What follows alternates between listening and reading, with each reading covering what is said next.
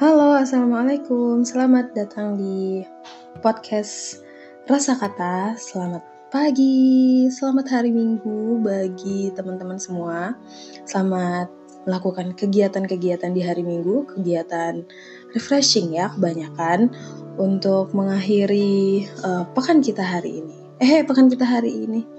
Ya tuh kan, jadi ini tuh sebenarnya udah take kelima atau keenam ya. Karena aku grogi untuk record pertama kali buat podcast ini tapi nggak apa-apa. Kita lanjut aja um, di record pertama kali ini aku pengen sharing sesuatu yang sebenarnya sedang aku rasakan pada akhir-akhir ini. Dan kemudian tadi malam aku punya ide buat menanyakan itu di story sih sebenarnya di story WhatsApp. Um, tentang pernah gak sih kalian capek, cemas, sakit rasanya, tapi bersamaan dengan itu merasa senang juga. Pernah nggak? Kalau teman-teman sendiri yang di sini pernah nggak? Nah, uh, alhamdulillah banyak yang uh, sharing, banyak yang cerita menanggapi storyku kali itu. Nih aku aku bahas satu persatu ya.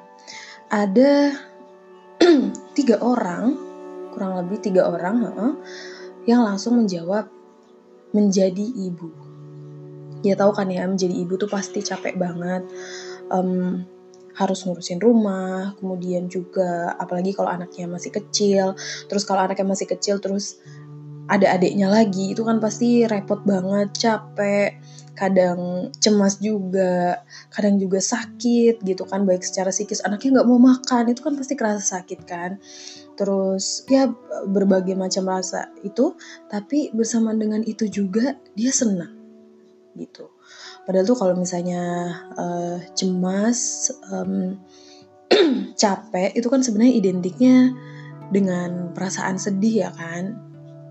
Nah, itu yang pertama menjadi ibu. Terus ada juga yang jawab, uh, sakit tipes tapi tahu bahwa itu akan berakhir. Ya aku tahu sih rasanya sakit tipes. Karena uh, selama kuliah kemarin tuh aku lima kali merasakan sakit tipes dan itu uh, yang rasanya kayak sakit banget. Tapi tahu bahwa itu akan berakhir gitu. Jadi dia menikmati segala prosesnya ketika dia lagi sakit itu. Terus ada juga yang jawab uh, struggling for something dan terus harus ngambil keputusan di saat yang genting. Mungkin kalau kita ngerasain secara normalnya orang kalau misalnya ngambil keputusan di saat yang genting itu rasanya kayak tertekan. Terus apalagi ya? Uh, ya rasanya kayak pengen marah terus sensi gitu ya. Tapi yang dia rasain ini adalah bahagia gitu. Jadi hmm, karena mungkin something yang ada di depannya itu sangat memotivasi dia sehingga kesakitan ataupun kecemasan, kelelahan yang dia rasakan saat ini tuh karena untuk mencapai hal itu gitu kan. Terus ada juga yang jawab jadi orang belakang belakang layar ketika dia udah nah ini konteksnya dia waktu itu jadi dekorasi suatu acara gitu kan. Dia mendekorasi sesuatu terus habis itu pas acaranya lancar dengan dekorasi yang udah dia buat itu rasanya kayak um, capek tapi sambil bahagia. Ya mungkin perasaannya saat itu gitu ya. Uh, terbayarkan gitu. Ada juga uh, yang nikah padahal lagi sakit. Ini kayaknya kalau misalnya aku ngerasain gimana ya? Dia lagi sakit waktu itu ceritanya. Uh, tapi di hari itu juga ketika dia lagi sakit ada acara nikahan katanya acara nikahannya tuh siang ada malam juga ada. Uh, luar biasa ya. Tapi saat itu uh, dia happy. Dia bahagia dengan itu. Dan mungkin entah mungkin sakitnya malah jadi nggak jadi kali ya.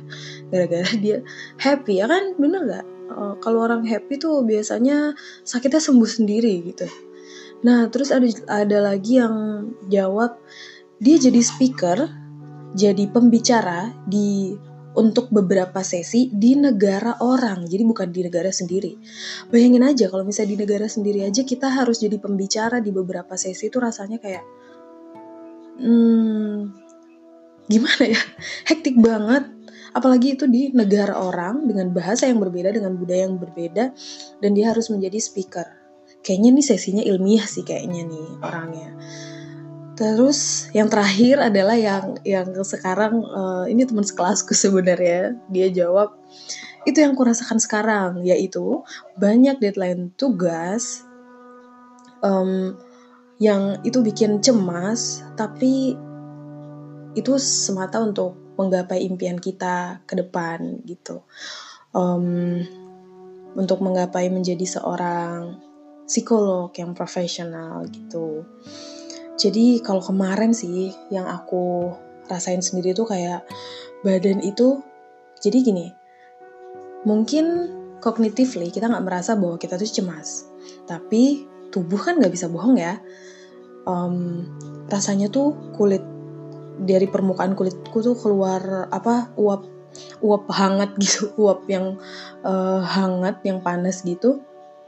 Terus juga ototnya tuh rasanya nyeri nyeri gitu nah makanya mungkin salah satu healingku untuk uh, hal itu bisa dengan podcast kali ini kali ya jadi bisa berbagi kepada teman-teman apa yang sedang aku rasakan dan ternyata banyak juga teman-teman yang merasakannya terima kasih banget teman-teman yang uh, menanggapi WhatsAppku dan udah berbagi ceritanya.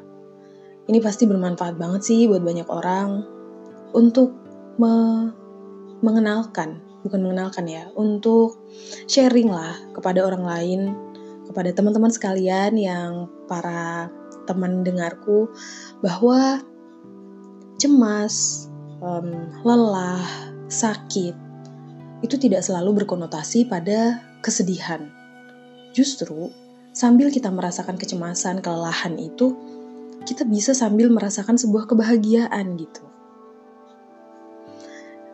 Jadi ketika uh, teman-teman lagi cemas atau mungkin ini spesial buat kamu yang sekarang lagi cemas, sekarang lagi lelah, sekarang lagi uh, rasanya sakit baik secara perasaan maupun secara fisik.